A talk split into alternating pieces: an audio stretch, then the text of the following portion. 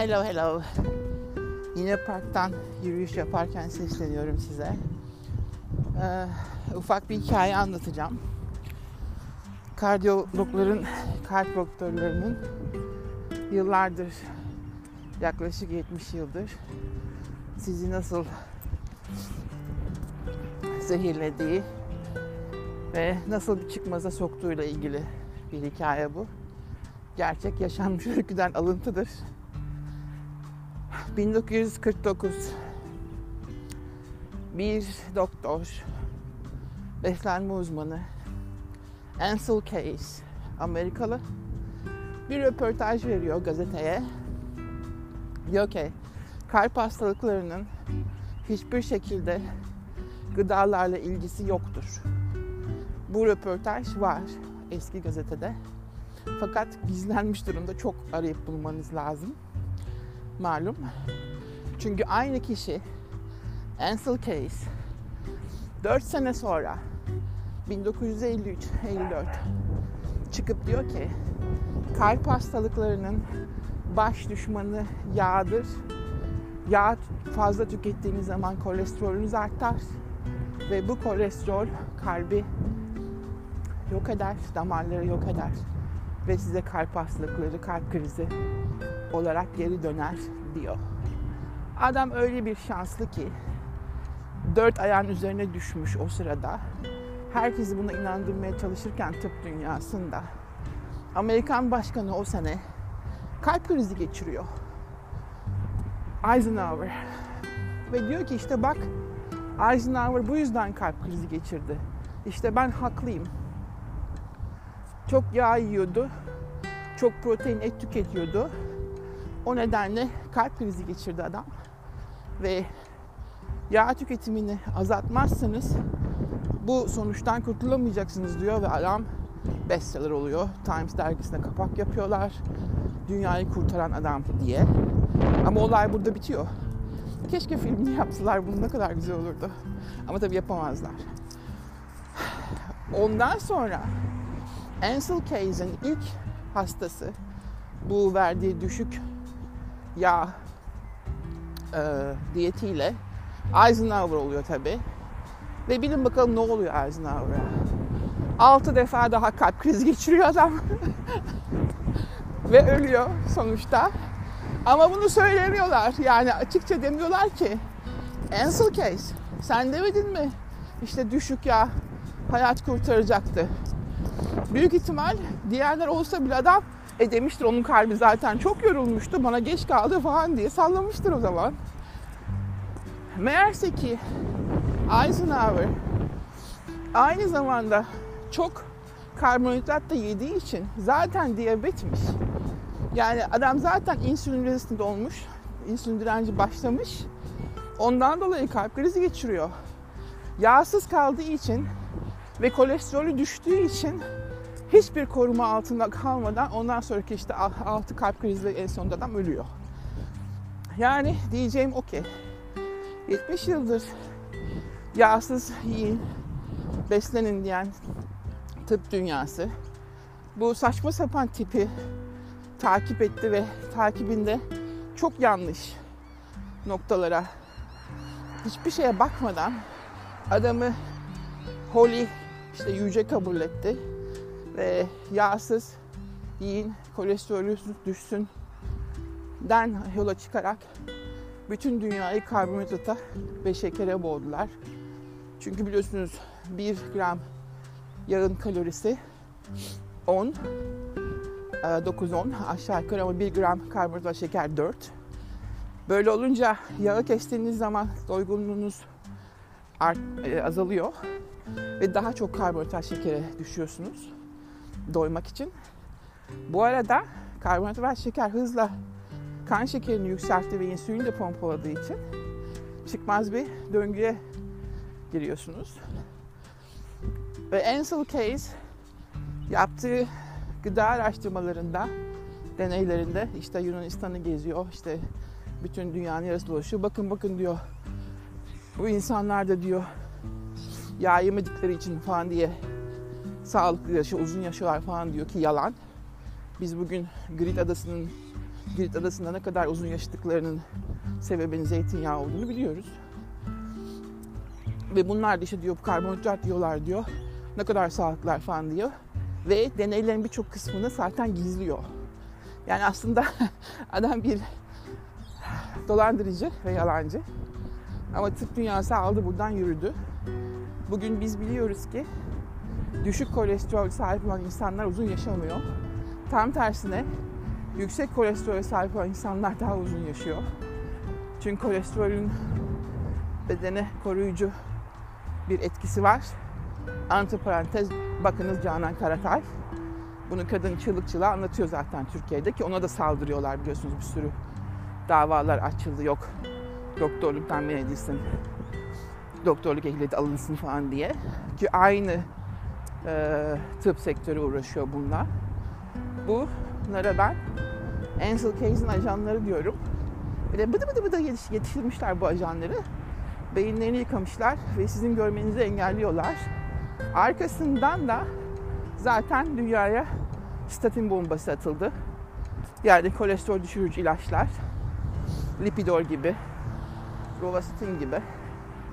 Ve bu ilaçlardan sonra o yaşın insanları kullanmaya başladıkları bugün işte 60-70 olsalar. Kolesterolü düşük. Örneğin. Ama çok daha sağlıksızlar. Ve büyük ihtimal bu yağsız kullanın e, dediği şey aslında hani doymuş yağlar ya hayvansal yağlar ya işte tereyağını kesin. Özellikle hayvansal yağları etlerin yağları yemeğinden geliyor. Onun yerine de biliyorsunuz endüstriler yağları koydular bu pis atık okside olmuş bitkisel yağları, ayçiçek yağları, mısır özü, kanola yağları, işte soya yağları falan. Endüstri oradan da bir çaktı insanlara tokatı. İnsanlar oluk oluk litrelerce, tenekelerce, kutularca bu yağları kullanmaya başladı ve doğal yağları bıraktı. Ee, sana yağını ilk girdiği zaman hatırlıyorum ben küçükken. Hmm. Annem de hatta o zaman anlatır, onlar hep tereyağı yermiş. Benim dedem çok düşkündü boğazına. Ama hep en kalitesini alırmış. Ve ilk sanayi başladığında tadı o kadar hoşlarına gitmiş ki evde kalıp kalıp sanayileri yemeye başlamışlar. Yani korkunç bir olay. Ve büyük ihtimal bugünkü demans ve Alzheimer hastaları o zamandan beri işte bitkisel yağları tüketen, bu okside yağları tüketen jenerasyon ve büyük ihtimalle ardından yaşlandıkça kolesterolü düşsün diye statin kullanan jenerasyon.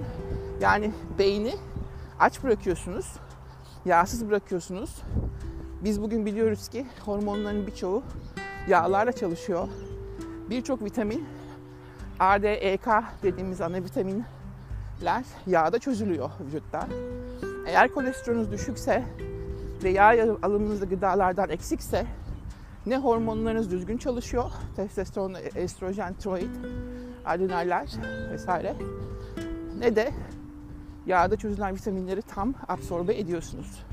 Bu gerçekler ortadayken bunu 1 artı 1 2 diyen kardiyolog şu anda çok az. Bir iki tane var Türkiye'de.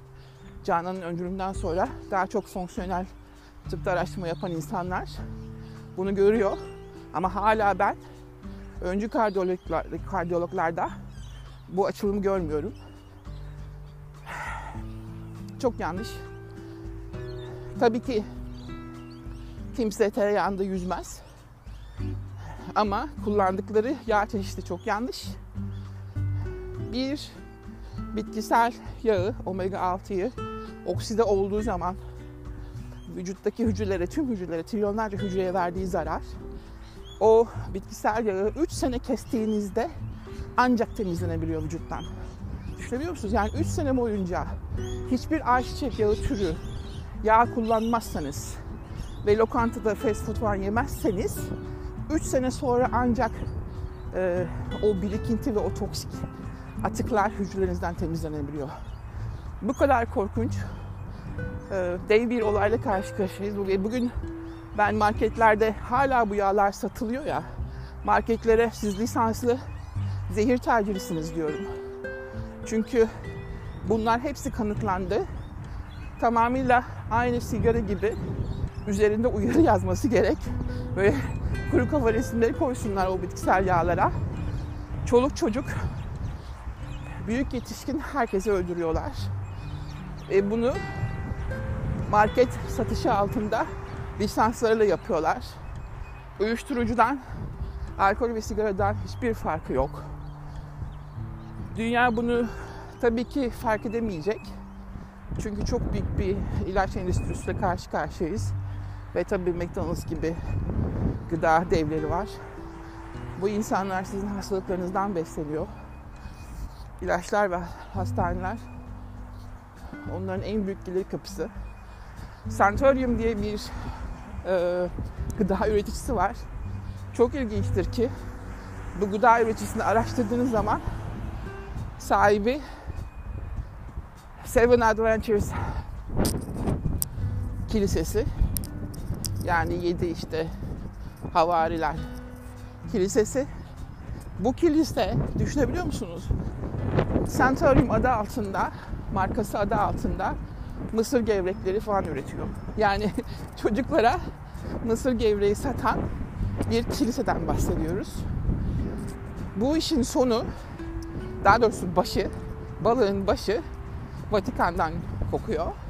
Ve bu insanlar yaklaşık 150 yıldır çalışıyorlar.